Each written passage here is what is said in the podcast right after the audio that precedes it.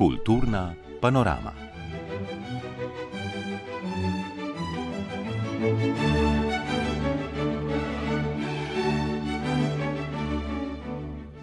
Spoštovane poslušalke, cenjeni poslušalci, na vrsti je tedenski pregled kulturnega dogajanja.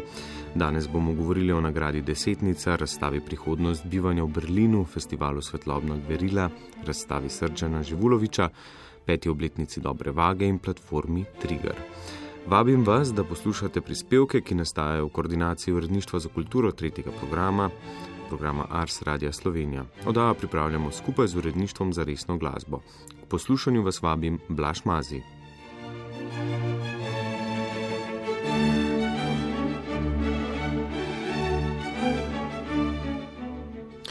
V prostorih Društva slovenskih pisateljev so konec tedna podelili nagrado Desetnica, ki jo društvo podeljuje avtorjem in avtoricam knjižnih del za uveljavljanje izvirnega otroškega in mladinskega leposlovja in sicer za obdobje zadnjih treh let.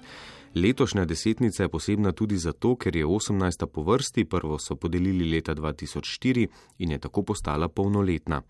Med desetimi nominiranci je strokovna žirija za najboljše delo izbrala mladinski pustolovski realistični roman z naslovom Kjer veter spi, pisatelja, prevajalca, scenarista in urednika Damjana Šinigoja. Nagrada Desetnica pomembno prispeva k uveljavljanju sodobne slovenske otroške in mladinske literature v slovenskem in tudi v mednarodnem prostoru. Tudi letošnji izbor del je pripravila redna profesorica dr. Dragica Haramija. Ko prejmem od Mariborske knjižnice vsako leto seznam knjig, ki izidejo v treh letih, je ta seznam vsebuje približno 1300 del, mogoče kako leto manj, kako leto več. Torej, avtorjev in avtoric, ki so išli v slovenščini in gre za izvirna besedila. Po prečiščenem seznamu pa ostane približno 80 literarnih del vsako leto, izmed teh pa potem petčlanska žirija presodi najprej seveda deset literarnih del, ki pomenijo desetnico, in izmed teh desetih izglasuje nagrajeno literarno delo. Vsa dela, ki kandidirajo za nagrado desetnica, morajo napisati člani Društva slovenskih pisateljev. To je eden od kriterijev zapisanih v statutu o nagradi. Tega in vse ostale je letos izpolnjevalo 80 del. Med njimi je petčlanska komisija v sestavi Magdalena Svetina Terčon, Jana Bauer, Igor Bratoš, Neli Filipič in Slavko Pregel izbrala deset nominirancev. To so Borod Gombač z delom Skrivnost lepteče knjige, Nataša Konc Lorencuti Gremo mi v tri krasne, Nina Mauhrovat Posluh Jazbec gre, Vinko Medrndorfer Babici, Babica za lahko noč, Maša Ugrizek Kokodaj sa v mestu, Milan Petek Levokov Lov za templjarskim zakladom, Andrej Predin Vesolčki, Damjan Šinigoj, kjer veter spi, Anja Štefan, imam zelene čevelčke in Janja Vidmar, Elvi Škorc, genialni štor. Torej, desetnica se imenuje po znameniti pravljici, kjer mora deseta od doma. Mi pa v Društvu slovenskih pisateljev podpiramo vseh deset knjig, deseta pa zablesti kot nagrajenka. Najboljša besedila so letos po besedah Dragice Haramija zelo različna. Od romanov, kratke zgodbe, pravljice, dveh pesniških zbirk, nekaj pa imajo skupnega, namreč svetlobo, eh, humor, najbrž v teh temnih časih, eh, more biti nezavedno, so žirantje iskali svetlo plat otroštva in literarnih likov.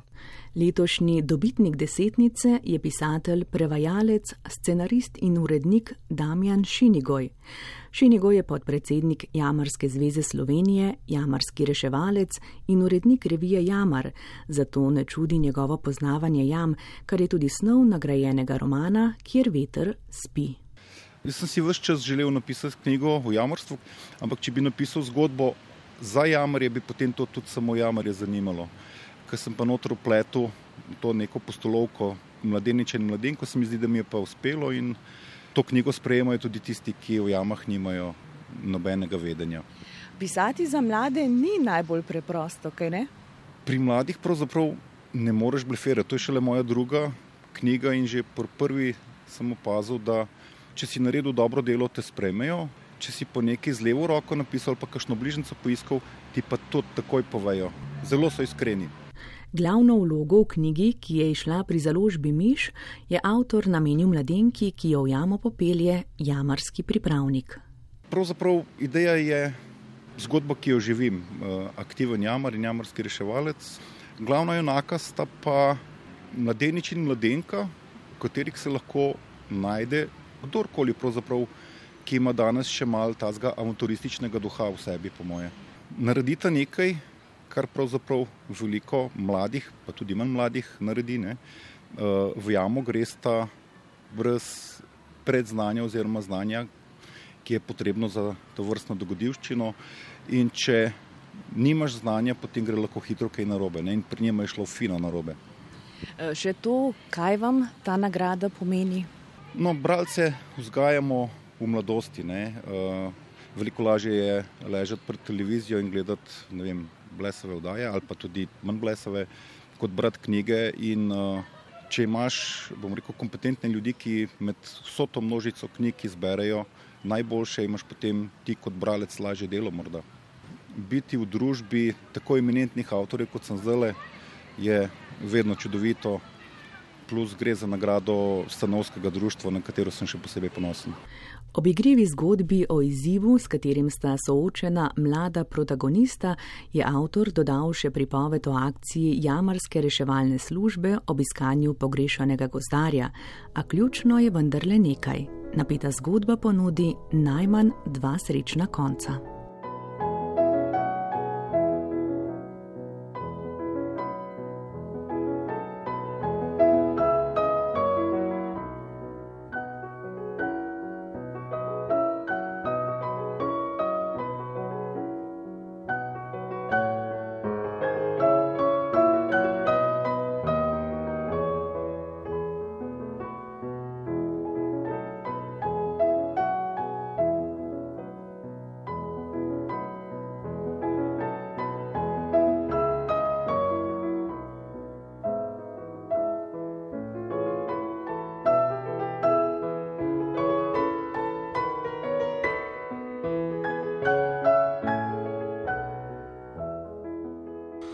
Berlinu se je začel teden oblikovanja. Gre za pomemben mednarodni dogodek, na katerem predstavljajo zadnje oblikovalske trende s poudarkom na odgovornosti do prihodnosti, letos osredotočen na nove tradicije. Na njem se prvič z razstavo Kultura bivanja predstavlja tudi Slovenija. Na elitni lokaciji so v Berlinu na ogled izdelki, ki so prejeli slovenski znak odličnosti. Razstava je nastala na pobudo Slovenskega centra za oblikovanje v okviru predsedovanja svetu Evropske unije. Iz Berlina Polona Fijavš. Berlinski teden oblikovanja je pomemben dogodek, v okviru katerega je organiziranih 28 razstav, številne konference, instalacije in delavnice. Na tednu oblikovanja je prikazan znanstveni napredek na področju oblikovanja, nove oblike, novi materijali, vedno je v središču socialna pravičnost in zaščita okolja. Letos je vse v znamenju novih tradicij. Mika Cimolini, kustosinja razstave Kultura bivanja, Slovenski center za kreativnost. Jaz bi rekel, da so se v Evropi te tradicionalne obrti kar, kar precej um, izgubile in da to postaja nov trend v Evropi, ko vemo, da ne bomo morali več vsega proizvajati na kitajskem. To pomeni, moramo spet obuditi nazaj neke načine. Um, Ročne izdelave, ki smo jo mogoče izgubili. Ne? In tukaj se definitivno je Slovenija zanimiva, Slovenski center za kreativnost, ki deluje v okviru Muzeja za arhitekturo in oblikovanje, je tako pripravil razstavo izdelkov slovenskih oblikovalcev, ki so prejeli znak odličnosti in ki, kot pravijo, sami predstavljajo, kako slovensko oblikovanje na prihodnje izzive odgovarja z izdelki, ki na inovativne načine združujejo lokalne materijale in tradicionalno obrtništvo, hkrati pa želijo z njimi opomniti na osrednjo vlogo ustvarjalnosti pri trajnostnem razvoju. Mika Cimolini Steblini kustosinje razstave Kultura bivanja. Prikazujemo tri skupine izdelkov, ki jih lahko vrstimo nekako v tri skupine, tri tematske sklope. En del je ta, ki nekako obuja neke stare obrti in jih reinterpretira v izdelkih za sodobno rabo. To so recimo izdelki kot so steklenice v Darje Malešič, ki izdelkajo kar nekaj, ne, ki upeljujejo tradicije sodobne, na sodoben način v, v neke izdelke za vsakdanjo rabo. Potem druga skupina izdelkov, ki se ukvarja z upcyclingom, bi temu lahko rekli, to pomeni neke odpadne materijale ali pa neke zavržene materijale ali pa neke materijale, ki so ostanki, postavljajo v ponovni snovni krok. Recimo to je Flojos nakit, ki uporablja reciklirano srebro v nakitu, to so stoli donarja, ki, v katerih je eh, ne vem koliko plastenk oziroma plastike, ki bi bila sicer zavržena. Ne. Potem tretja skupina izdelkov so pa neki malj bolj high-tech izdelki, kot je naprimer Maglev audio, to je pač ta um, lebdeči gramofon ali pa recimo Asobijeve uh, luči iz karbona. Slovenski kulturni center, ki deluje v Berlinu, je poskrbel, da razstava poteka na izjemno atraktivni lokaciji na Potsdamer štrase. Saša Šavel Burkard, vodja Slovenskega kulturnega centra v Berlinu, pove, da gre za odlično promocijo slovenskega oblikovanja tudi s tem, ko prodira v lokalno okolje z najetjem prostorov, ki so sami po sebi blagovna znamka v Berlinu. Zelo pomembno je, da smo prisotni na uh, berlinskem tednu oblikovanja. Eh, se bomo na ta način spet dosegli enega od svojih ciljev, to je upetost v lokalno okolje. Na vse zadnje smo tukaj na znameniti Potsdamer štrase. V bližini je ogromno zasebnih galerij, zelo prepoznavnih, mednarodno prepoznavnih. Mi s to razstavo v tem prostoru nagovarjamo lokalno prebivalstvo, vabimo na ključne obiskovalce, da si pridejo ogledati. Na otvoritvi razstave si je izdelke slovenskega oblikovanja ogledala tudi lastnica kultne trgovine Fiona Bennett. Zelo sem navdušena. Nisem poznala slovenskega oblikovanja in mislim, da je izjemna obogatitev, da se lahko predstavite na tako odmevnem dogodku kar je tudi namen razstave, ki je tudi prodajna. Mika Cimolini, kustosine razstave Kultura bivanja. Mislim, da je nekako Slovenija kot neka oblikovalska država pač še ni na zemljevidu. Ne? Gre za to, da vzpostavimo, ker smo blizu Italiji, blizu Avstriji, pač da neko, v tej regiji dosežemo neko prepoznavnost. Tudi Nemčija sega v ta naš krug, ne, kjer si želimo doseči to prepoznavnost. In je priložnost za slovenske oblikovalce, da se povežejo s prodajnimi saloni v Nemčiji, pa tudi širše. Da je interes že po prvem dnevu izkazalo veliko ljudi, nam pove oblikovalec Nikolaj Selaj, ki se v Berlinu predstavlja s kolekcijo luči. Jaz mislim, da za oblikovalce, predvsem za mlade oblikovalce, je to izreden dosežek, ker dobimo veliko um, mednarodne prepoznavnosti na ta način. Eh, hkrati kot tudi vidimo, kaj ostali oblikovalci delajo, spoznamo druge oblikovalce in pa recimo predstavnike vem, recimo pohištvenih blagovnih znamk. Razstava, ki je ta teden na ogled v Berlinu, je nastala na pobudo Slovenskega centra za kreativnost in kot pove Anja Zorko, vodja centra za kreativnost, je razstava projekt, ki zaznamuje slovensko predsedovanje svetu Evropske unije in predstavlja slovensko kreativnost in oblikovalce širši mednarodni javnosti. Ko je nastala ideja za potujočo razstavo prihodnost bivanja, ki jo predstavljamo danes tukaj v Berlinu, Po tej predstavitvi pa se dejansko razstava seli tudi na druge lokacije po svetu, na Zagreb Design Week, eh, v Budimpešto, v Pariz, v London, v sklopu London Design Festivala in pa seveda številne druge eh, dogodke v 25 državah. Tako da probamo izkoristiti dejansko neke lokalne dogodke povezane z kreativnimi ekonomijami. Predsedovanje Slovenije svetu Evropske unije je tako ob sodelovanju številnih slovenskih kulturnih institucij priložnost za promocijo slovenske kulture v svetu. Saša Šavel Burkard, vodja Slovenskega kulturnega centra v Berlinu. Zato je zelo pomembno, da se umesti slovenske eh, razstave v to vrstne dogodke, ne? da se povezuje. Ne? da se povezuje nemške in slovenske institucije na ta način, da se povezuje tudi slovenski kulturni center, kar je na vse zadnje cilj Eh, slovenskega kulturnega centra, da se povezuje z nemškimi oziroma z lokalnimi kulturnimi institucijami. In ta razstava je Utelešenje tega je utelešenje na eni strani recimo reprezentacije, promocije slovenske kulture, v tem primeru slovenskega dizajna in na drugi strani eh, gre za to, da se povezuje. Berlinska razstava slovenskih oblikovalcev je primer odličnega sodelovanja in medsebojnega povezovanja slovenskih kulturnih institucij in sodelovanja le teh z mednarodnimi in pot, ki odpira vrata še neznanim imenom slovenskega oblikovanja v svetu. Hkrati pa se s tem vzpostavlja trajnostna pot nadaljnega medkulturnega sodelovanja.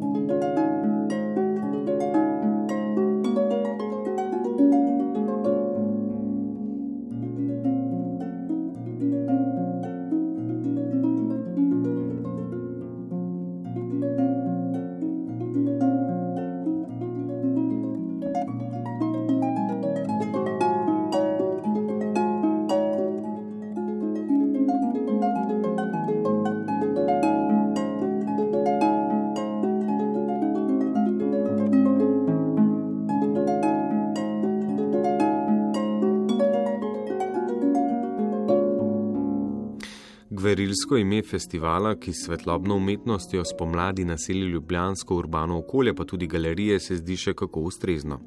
Svetlobna gverila združuje domače in tuje umetnike, ki s svojimi tehnično domiselnimi in pogosto interaktivnimi žarečimi objekti, instalacijami, projekcijami in performansi opozarjajo na razmere okoli nas. Letos je tema resničnost, s tem pa njena vrljivost in izmuzljivost. Žiga Bratoš. Svetlobna gverila se rada poigrava z našim zaznavnim aparatom, ki pa se izkaže le za vrata v tisto onkraj. Svetloba je tako hrana za prispodobe nevidnega, za abstraktne razmisleke o kvantnih razsežnostih, za vstop v kolektivno zavest in podzavest. Podoba gre prek oči vedno v našo miselno in čustveno filtracijo. Morda pa smo ravno zato dojemljivi za ustvarjalnost in hkrati ranljivi za manipulacijo. Se pravi, svetlobo ti lahko vplivaš na dojemanje prostora okrog sebe, svetlobo ti lahko stvari predstaviš drugače, kot v resnici tudi so, ali jih poudarjaš, na različne načine vplivaš na to percepcijo. Drugače pa je pomembna ta tema tudi za v bistvu prepraševanje tudi tega, kar se dogaja v zadnjem letu okrog nas v vplivu državnih aparatov na družbo samo, vplivanje človeka na okolje. En aspekt so tudi multinacionalke, ki nam eh, v svojim marketingom eh, oziroma promocijo svojih izdelkov ali pa dejavnosti usiljujejo neko resničnost, ki ni nujno, da ima veze sploh z resničnostjo. In ob teh problematikah, ki jih je povzela kuratorka in producentka svetlobne gverile Katerina Mirovič, se lahko vprašamo, kako sploh ovrednotiti informacije, ki nam jih čuti posredujejo. Da so te pogosto nezanesljive, opozori italijanski ustvarjalec Alessandro Lupi, ko v galeriji užigalica s sencami dopolni resnične predmete. Času, ki ga možgani potrebujejo za procesiranje informacij o podobi, pa se posveča Nika Erjavec, njeno delo v pogled je na ogled na bregu svetlobnem delu to pomeni, da v bistvu sekvencirajo zelo hitro različni tenki barvnih svetlob, vendar se za naše oko kažejo kot bela svetloba. Se pa ponovno razkrijajo te odtenki v stiku s kinetičnim delom, ki osilira tako hitro, da ponovno naši možgani dopolnjujejo to informacijo z nekim brisanjem podobe. In v bistvu ravno v tej poenostavitvi možganski se zgodi nek ta šum v resničnosti, ki sočasno in briše in razkriva neke te segmente neolevljive resničnosti. Ne le, da potrebujemo čas za videti, marsičesa sploh več ne opazimo, ker je postalo samoumevno. Tilen Sepič je na trgu narodnih herojev z izolacijo, kot je naslovil svetlobno intervencijo, izpostavil objekte našega vsakdana tako, da je na rastline v parku namestil muzejske vitrine z nočno osvetlitvijo. Ta muzealizirana pozornost pa je, kot poudari, odtujena in absurdna. V drugem projektu pa Tilen Sepič izpostavi vse okoli nas prisotne delce, ki nastajajo v zgornjih plasteh ozračja ob naletu žarkov iz daljnega vesolja. Kozmični dež je na ogled v mali galeriji Banke Slovenije. Katerina Merovič. Gre v bistvu za detektorje kozmičnih delcev miomov, ki jih mi s prostim očesom ne vidimo, ampak ti detektori, ki jih tudi eh, pri nas uporabljajo, ulovijo te delce in to nam približajo z zvokom in svetlobo. Se pravi, ko ta detektor ujame ta delec, se zasveti en element in sproži se zvok. Prostemu očesu nevidne kreacije lahko na sedmih lokacijah v centru Ljubljane ugledamo s pametnim telefonom. Razširjeni resničnosti so se posvetili udeleženci delavnice laboratorija svetlobne gverile in oblikovali 3D abstraktne in humanoidne forme, pa mitološka in vodna bitja. Ujeti v zaslone torej. Kaj pa ujeta resničnost? Tina Drčar je na štirih mestih razprostrla velike pajkove mreže osvetljene z UV svetlobo. Ponazarjajo upetost v družbene procese in spone. Nadzorovanje državnih aparatov je tema tudi študentke Akademije za likovno umetnost in oblikovanje Eme Kobal. Njen opazovalec na fasadi Cankarjevega doma nam prijazno mežika. In mi bomo ostali le nemi opazovalci. Skok nazaj v galerijo Vžigalica razkrije projekt tandema Bim Tim Anje Romih in Stele Jušek. Tema letnošnjega festivala je resničnost in zato smo si tudi izbrali kot osrednjo uh, temo instalacije v bistvu ogromno oko, ki te zasleduje po tej mreži in v bistvu postavlja vprašanje, kaj je ta uh, resničnost, ne? ker je ta neka priljubljena zmota, da ljudje vidimo neposredno podobo z očesom, ne? ker pa v bistvu ni res. Gre za interaktivno instalacijo, ki uh, gledalcu omogoča spremembe, sprožanje in manipulacijo z vizualnimi vsebinami, se pravi z videoprojekcijami in vpliva na spremembe tudi zvočne v bistvu kompozicije. Ne. V srednjem prostoru užigalice pa naletimo na videoinstalacijo vmes polskega umetnika in teoretika Roberta Suhackija. The last year for everybody was difficult, really was difficult. This time Lansko leto je bilo za vsakogar zelo težko. Čas, ko smo poskušali preživeti, a hkrati smo imeli možnost razmisliti, kaj je resnično pomembno v našem vsakodnevnem vedenju. Naprimer, sam sem med drugim gojil rastline na svojem vrtu, opazoval in ugotavljal sem, kako ta divja situacija daje nam, ljudem, nekaj drugačnega od tistega, kar smo ustvarili prej. Življenje je veliko več, kot smo predtem mislili. Imeli smo možnost spremeniti svoj fokus in ustvariti nova razmerja med seboj in svojo okolico. Zato sem ustvaril ne toliko magično, bolj meditativno okolje, v katerem lahko opazimo pokrajino, rastline, naravo, a ne vemo natančno, ali je vse to resnično. Včasih mislimo, da je resnično, ampak želel sem, da nam detajli pokažejo, da nismo čisto prepričani o tem. Po svetlobno meditacijo se lahko odpravimo tudi na vrt ob Križevniški cerkvi, kjer se predstavlja soustanoviteljica festivala Aleksandra Stratimirovič. Blišč je naslovnjene postavitve, ki jo je navdahnilo to skrivnostno skrito mesto. E, Briljan se zastoji od 97 profila, to su ove minijaturne svetlosne tačkice koje nose programiranu svetlosnu priču. Brilliance sestavlja 97 profilov. To so miniaturne svetlobne točke, ki prenašajo programirano svetlobno zgodbo. Sicer pa je Brilliance zmagovalec enega od natečajev na švedskem. Prvič je bil pred nekaj leti prikazan na fasadi Arkad muzeja v Jeteburju, Lani pa je bila instalacija v okviru festivala Noble Week Lights vključena v dogajanje na fasadi Nacionalnega muzeja v Stokholmu. Tu v Ljubljani pa Brilliance prvič obiskovalcu dovoljuje, da vstopi v notranjost same svetlobne instalacije. To je možno vsak četrtek in soboto, ko so vrata odprta. Ostale dni pa se lahko opazuje skozi odprtine vrtnih zidov. Dobrodošli. Za konec še opozorilo. Svetlobna gverila še zdaleč ni le paša za oči. Tako producenti festivala iz Stripcore Foruma Ljubljana kot sodelujoči umetniki si prizadevajo, da svetlobno umetnostjo pretresajo družbene pojave, gledalcem pa s tem dajo misliti. Letos vse do 19. junija v Ljubljani, v galerijah in seveda na prostem.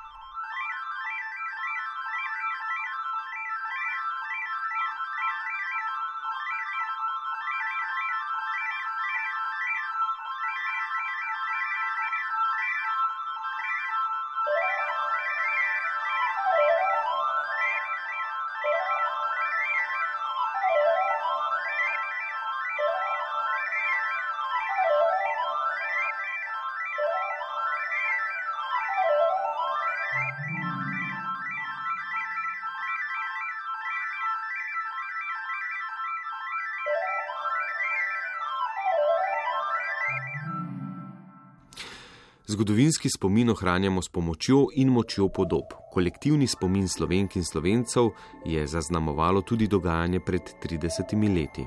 V Narodnem muzeju Slovenije v Ljubljani je na ogled razstava fotografij ob 30. obletnici samostojnosti Slovenije, kot jo je ovekovečil fotoreporter Srdžan Živulovič. Ogledal sem si jo Blaž Mazi. Srdžan Živulovič, ob odprtju razstave 30 ste dejali z razstavo svojih fotografij iz obdobja prelomnih zgodovinskih dogodkov pred 30 leti, bi rad pokazal predvsem to, da je bilo takrat 2 milijona ljudi pri nas na cesti v vojni, ki so bili s srcem in dušo pri osamosvojitvi. To so bili junaki osamosvojitve. Spomin na pozitivno vzdušje ste izbrali tudi za obeležitev obletnice. Zakaj? 30 let je le 30 let. Uh... Eh, seveda 36 posnetkov je 36 posnetkov na filmu.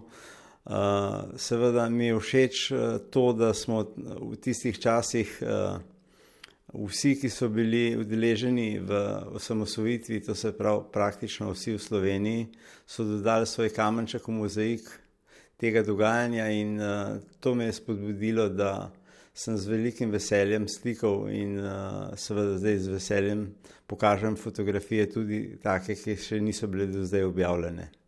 Vaši kolegi se strinjajo, da imate izrazito prefinen, tankočuten slog. Kaj opazi vaše oko v tem dogajanju, v množici, te motivi, ki jih iščete? Že veste, kaj iščete, ali vas v tistem trenutku presenetijo? Kako bi rekel, iz dneva v dan. Uh, gledaš, iščeš, praskaš. Iz vsake situacije pač eh, fotoreporter mora biti pripravljen na vsakodnevne izzive. Eh, nikoli ni napovedan naprej, kaj se bo zgodilo, kako se bo zgodilo in kako bo to izgledalo. Tako da uh, vsak dan posebej, vsak trenutek posebej je izziv in uh, je, treba, je treba delati 24 ur na dan na tem, uh, na mentalno in seveda potem v tehniki, v tehniki, ki jo lahko izrabiš do v bistvu zdaj, odkar je ta nova tehnologija digitalije. Delali ste tudi na kriznih žariščih, pa me zanima, ali so vas vse te podobe, dobre in slabe, ali jih nosite seboj kot neko življenjsko breme, so vas dokončno zaznamovali. Ni breme, je pa upomin, da se to dogaja, kar se ne bi smelo. Je brez potrebe, eh, ljudje trpijo, so eh, hudih preizkušnjah, Seveda ta naša samosvojitev je bila tu nekje in je mal drugače, če se to dogaja na tvojem pragu in ne veš, ali boš bombardiran ali ne. Ena izmed fotografij je tudi uh, iz, domačega, iz domače kleti, ki smo čakali bombardiranje. Seveda se človek zamisli in ve, da se to ne bi smelo dogajati. S kolegom Jožetom Suhodolnikom ste ustanovili fotoagencijo Bobo, z vestnim in načrtnim delom ste ustvarili impresiven arhiv fotografij dogodkov pri postavljanju nove države. No, razstava 30 je najbrž na nek način dragoceno ogledalo slovencev in slovenk. Bi rekli, da smo slovenci v 30 letih postali drugačni ljudje? Ne, moram reči, da ne. Cilji in, in že hotenje te osamosvojitve so bili visoki. Seveda, trda realnost je pa vsak, vsak dan posebej bitka za, za kruh, bitka za, za preživetje, bitka za boljši status. Je pač nas oddaljilo od teh ciljev, jaz vsaj tako to vidim osebno, in uh, upam, da bomo najdli kakšen skupen cilj, ki si ga bomo zadali za 30-letnico, od 30-letnice naprej. Kateri so za vas vrhunci razstave? Morda najljubše fotografije? Uh, vrhunci so vsi, pravzaprav, ker so vse dogodki so samo špica dogajanja, od Majniške deklaracije do koperskega odhoda vojakov iz Slovenije. Uh, najbolj draga mi je otrok, ki sedi, zadnja fotografija, otrok, ki sedi ob svojem očetu in pričakuje lepšo budučnost. Danes smo priča neslutenemu razmahu podob, spletom smo postali vizualna družba, moč podobe je danes neverjetno velika in doseže ogromno ljudi. Vsak je praktično lahko fotograf, tako rekoč. Se vam zdi, da se je vloga fotoreporterjev spremenila v tem smislu, da nam je že samo umevno, da nekaj ur po tragičnih dogodkih premoremo fotografije in to ne fotografije, ki bi bile zgolj informativne, ampak fotografije, ki omogočajo interpretacijo. Danes smo vsi foto, fotografi. Fotoreporter da pa svoj ime, pa priimek fotografiji. In njegov ime in priimek je garant, da se je stvar dogajala v resnici in v taki meri, kot, kot jo ima na fotografiji. To je njegova kredibilnost.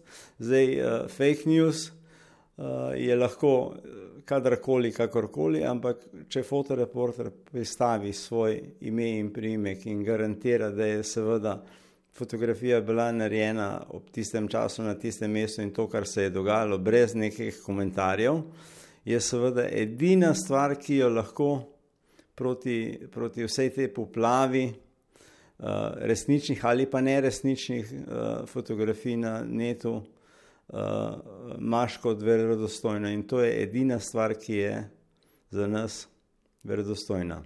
Ko govorimo o verodostojnosti za fotografijo beguncev na nasipu pri Brežicah, ste leta 2015 kolegi iz Reutersa prejeli prestižno Pulicerovo nagrado. Katera vaša fotografija vas je v življenju najbolj pretresla?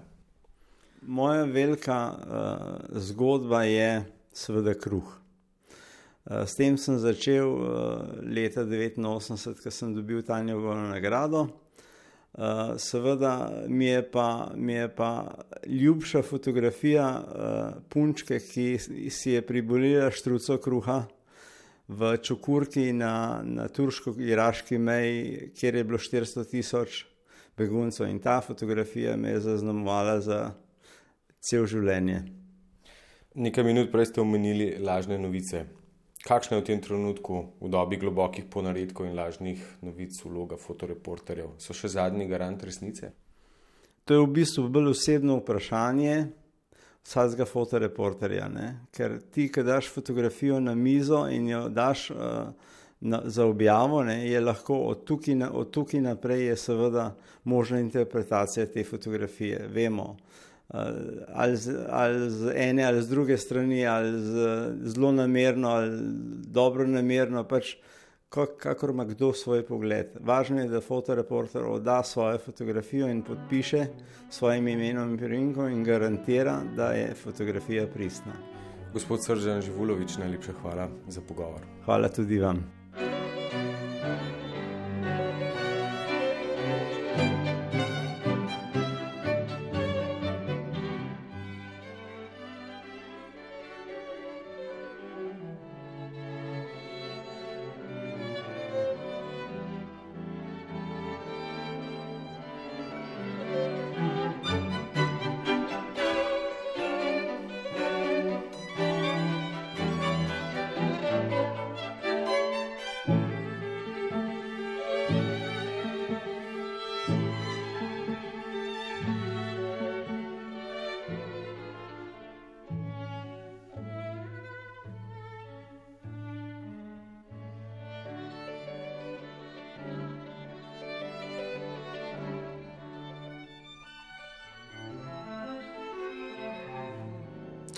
Pod arkadami na Ljubljanski tržnici že pet let deluje dobra vaga, galerija, razstavišče in projektni prostor, ki ga vodi mlad kolektiv in v spredje postavlja mlade umetnike. Glavne programske smernice so kolektivno vodenje galerije ter spodbujanje mladih umetnic in umetnikov v treh programskih sklopih: odprti atelje, umetnik umetnica na mesec ter prodajna galerija. Več o dobri vagi pa v prispevku Petre Tanko. Dobra vaga je uspešen projekt javnega zavoda Kino Šiška, ki v središču mesta skrbi za razvoj in promocijo mladih umetnic in umetnikov, se s svojim programom upenja v kulturno dediščino, sredi katere je prostorsko umeščena in so ustvarja v trip mesta. Razvila se je iz razstavnega kotička v Centru kulture Kino Šiška s ciljem prve vodje dobre vage Pjere Ravnikar, takratne vodje likovnega programa v Kino Šiška, da se umetnicam in umetnikom mlajših generacij svežimi idejami zagotovi zagotovijo pogoji za predstavljanje širši javnosti in tudi za zaslužek od dela, ki ga upravljajo. Trenutna vodja dobre vage je Anja Zver in je povedala več o načinu dela in o tem, kako se galerija in umetniki srečujejo. Pogovoru se je pridružila tudi Dora Trček, kuratorka programa Umetnik umetnica na mesec in dolgoletna sodelavka Kina Šiške in dobre vage. V bistvu sodelujemo pretežno z najmlajšo generacijo, ki jo še posebej vabimo k sodelovanju ob enem specifičnem projektu, ki bo tudi sledil v naslednjih dneh. To je razstavni projekt Appointment, ki ga prirajamo ob festivalu, glasbenem festivalu Ment.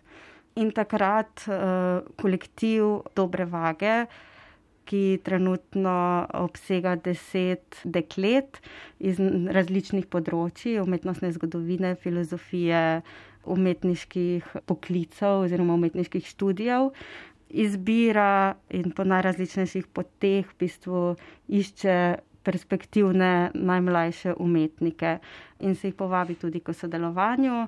Za ta specifičen projekt, v bistvu za appointment, pripravijo potem umetniki glasbeni plakat, ki pa izstopa od siceršnjega plakata, potem da je v ospredje postavljamo predvsem vizualije. In tako umetniki vstopajo na en način v sodelovanje z nami, zato ker za večino tudi ohranjamo potem sodelovanje za naprej pri drugih projektih. Sicer smo pa zmeraj odprti na našem infomailu uh, za pošiljanje portfolijev in nam umetniki redno pač pišejo za uh, sodelovanje z nami in večina tudi potem z nami sodeluje ali na projektu uh, razstavi umetnik, umetnica na mesec ali v zin vitrin programu. Vaši stalni programski sklopi so odprti atelje, potem zin vitrin in, kot ste omenili, umetnik, umetnica na mesec. Kako v tem primeru poteka izbira in sodelovanje? Ja, jaz lahko povem za umetnik oziroma umetnica na mesec. To se je nekako spostavil kot pregled neke najmlajše generacije umetnic, umetnikov, ki mogoče še niso imeli priložnost imeti samostojne razstave ali pa smo sploh opazili, da so zelo perspektivni, pa še niso sploh predstavili svojega dela javnosti. In mogoče tudi zato, ker Dela, ki jih imamo v prodaji, so bolj klasični formati, grafika, platna, risbe, ilustracije. Se pri teh razstavah, umetnica, umetnik na mesec, lahko mogoče prvoščimo, da razstavimo neki tasga, ki je bolj mogoče konceptualno, kakšne instalacije, video dela, skratka nekaj, česar se ne da um, prodajati v klasičnem pomenu besede. Dobra vaga poudarjeno spodbuja produkcijo zinov, umetniških knjižic, ki jih predstavljajo v zin čitalnici ter z razstavami zin vitrin. Dora Trček in Anja Zver.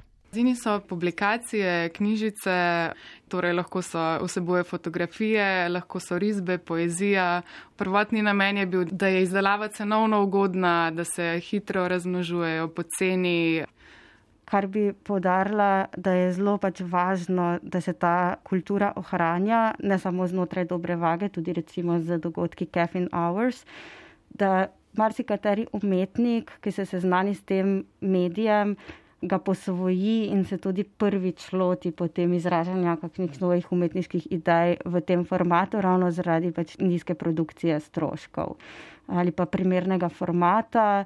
Eh, mi imamo tudi neko stalno publiko, ki poseže po zinih, tako da na ta način svojo umetniško prakso pač tudi z tem medijem uh, lažje in hitreje širijo, mogoče tudi med naše obiskovalce in ljubitelje umetnosti. Dobra vaga vrsto let sodeluje tudi z drugimi domačimi in tujimi inštitucijami in galerijami, med njimi so Muzej za arhitekturo in oblikovanje, Mednarodni grafični likovni center in druge. Delujejo pa tudi v mednarodnih gostovanjih in izmenjavah. Anja Zver. Leto za ustanovitvijo in spostavitvijo prostora Dobra vaga se je njen program razširil v mednarodni prostor.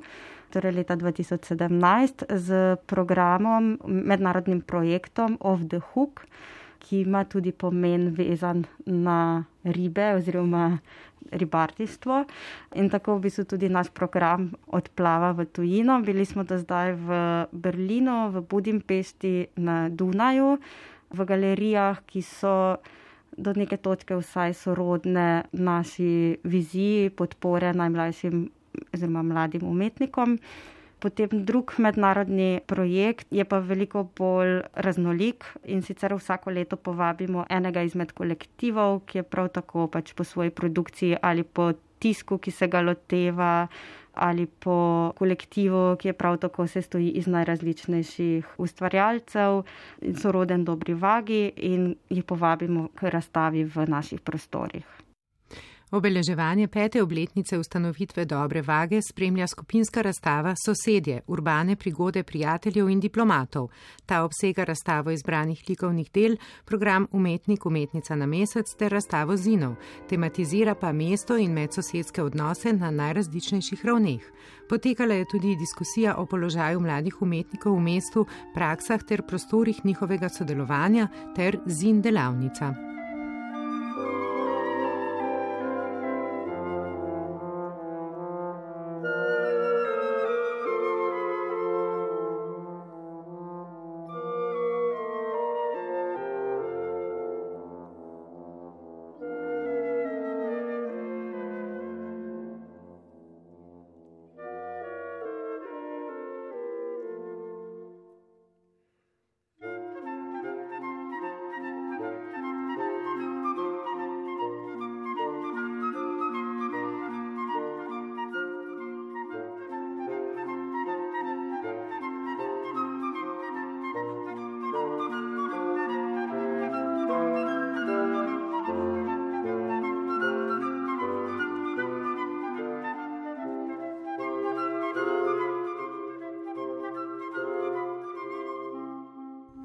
V gledališču Glej aktivno vstopajo toplejše mesece. Začela se je platforma za mednarodna povezovanja Trigger 2021, 3. junija pa bo sledil začetek festivala Soteska Open, ki bo do 2. julija na dvorišče in dvorano gledališča Glej prinesel celomesečni program predstav, delavnic, koncertov, pogovorov in razstav v okviru kulturne četrti Soteska. Ključno vodilo festivala in platforme je povezovanje, kar je tudi sicer osnovna naravnanost gledališča Glej. Iza Pevec. Platforma Trigger za sodobne uprizoritvene prakse je namenjena mednarodnemu povezovanju in krepitvi kompetenc neodvisnih producentov. Njen glavni pobudnik je gledališče Glej, ki pa jo razvija v sodelovanju z drugimi organizacijami. Med drugim je tokrat v spredju razmislek o povezovanju v spremenjenem kontekstu, dolgoročnih sodelovanjih in logiki mnogoterih centrov. Program se je začel v Mariboru, nadaljeval pa se bo v Ljubljani. Zasnova je trodelna, poleg programa predavanj in pogovorov so tu še predstavitve predstav namenjene snovalcem programov in delavnice, s katerimi po besedah producentke Barbare Poček iz gledališča Glej skušajo krpati manjko institucionalnega izobraževanja. Kjer v bistvu ni nobene pozornosti posvečene uh, produkciji, se pravi uh, program za producenta ne obstaja, uh, oziroma vsi, ki delamo na področju tudi mednarodnih odnosov in sodelovanj, smo nekako samuki in v bistvu želimo odpirati nek prostor, kjer pri prinašamo noter neke, do, neke prakse iz tujine in neke veščine uh, in neka orodja, s katerimi uh, lahko omogočamo tudi nek razvoj, bolj strateški razvoj, uh, tako na področju umetnikov, kot tudi samih producentov. Letos se odvija tretja edicija platforme Trigger, v preteklih pa so bile po besedah Barbare Poček najbolje sprejete predstave, ki združujejo različne medije in izrazne jezike.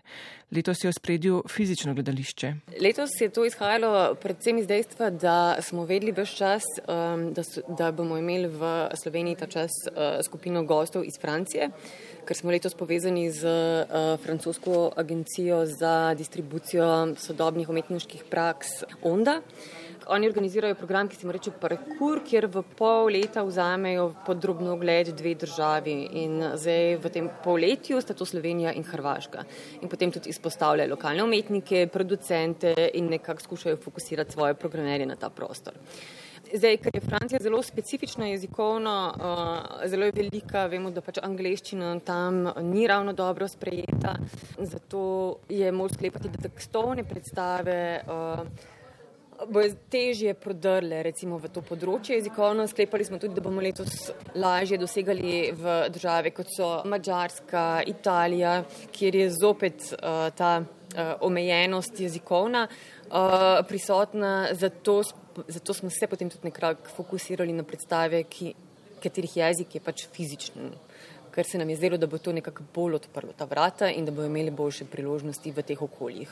Se pravi, to je vedno potem neka špekulacija, ki zelo temelji na tem, kako dobro poznaš neka mednarodna okolja, regije, programiranje v tistem področju.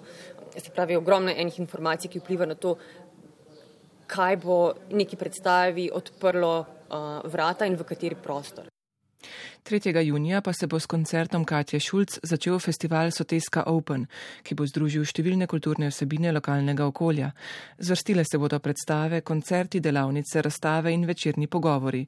Kot pove Inga Remeta, vodja programa gledališča Glej, so namreč ugotovili, da na tako majhni lokaciji imamo zelo veliko ponudnikov razno raznih storitev in da tudi tukaj, če združimo moči, absolutno lahko več doprinesemo mestu, prebivalcem in absolutno nam kot akterjem na tej lokaciji. Zaradi razmer je dobrodošlo tudi, da se bo velik del programa festivala Soteska Open odvil na prostem. V okviru festivala bo sicer na ogled tudi več predstav iz gleve produkcije, med drugim interaktivni performance od blizu, ki je bil premjerno na ogled 27. maja. Projekt je del programa Boundary Crossing, ki temeli na mednarodnem povezovanju tako prek skupnih delavnic z udeleženci iz drugih držav, kot neposrednega stolovanja posameznikov pri projektih drugih članic. Program spodbuja tudi združevanje medijev ter da se sodelujoči preizkušajo v novih vlogah. Tako so v projektu od blizu moči združile igralka Barbara Ribnikar, režiserka Nina Ramšak Markovič in Nika Batista, ki se ukvarja z vizualijami in tekstilom. Projekt, ki razmišlja o ševinizmu in pritiskih na ženske, so zasnovale večmedijsko. Ustvarile so tudi video, kar je medij, ki ni domač nobeni izmed njih. Po besedah Hanje Pirnat iz gledališča Glej je pri tem sodelovanju ključno. Ker je stvar tudi tega prestopanja osebnih meja, kako ti kot ustvarjalec uh, rineš svojo idejo naprej, kako se prilagodiš skupini, kaj zdaj vzameš noter, kaj ne. Uh, temo, to splošno o stereotipih, predsotkih, sivi coni, to jih je pa v bistvu vse tri od začetka zelo, zelo, zelo zanimalo in pa so tekom dveh tednov, prvih dveh tednov se usmerile na specifično, temu rečemo, neko žensko vprašanje, vprašanje ženskosti, kako biti ženska v 21. stoletju. In ne na ta nek formalističen način, ampak raziskuje to pol tudi s prepletom in z inputom oziroma prispevki udeleženk iz Turčije in iz Nizozemske. No. Tako da se tudi to, njihov prispevek se da tudi videti uh, fizično oziroma vizualno pol v samem performansu oziroma instalaciji, ta prispevek kot participantov. No. Ob koncu festivala Soteska Open pa bodo predstavili tudi publikacijo ob Glejevi 50-letnici. Okrogli jubilej je to gledališče, ki v središče svojega delovanja postavlja inovacije, praznovalo lani.